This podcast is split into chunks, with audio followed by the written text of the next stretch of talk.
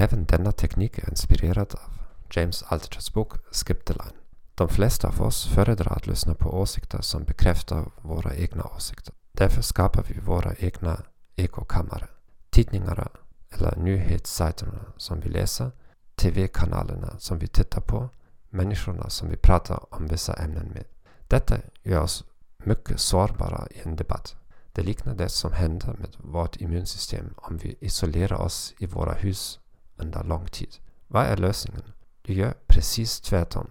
Gör en lista över ämnen som du har mycket starka åsikter om. Till exempel klimatförändringarna, abort, religion, politik, kapitalism. Identifiera vem som har de bästa eller och mest populära argumenten mot dina åsikter. Gör ett åtagande att lyssna på dem regelbundet och, och försöka förstå deras argument. På så sätt kommer du att kunna förbereda dina egna motargument i god tid.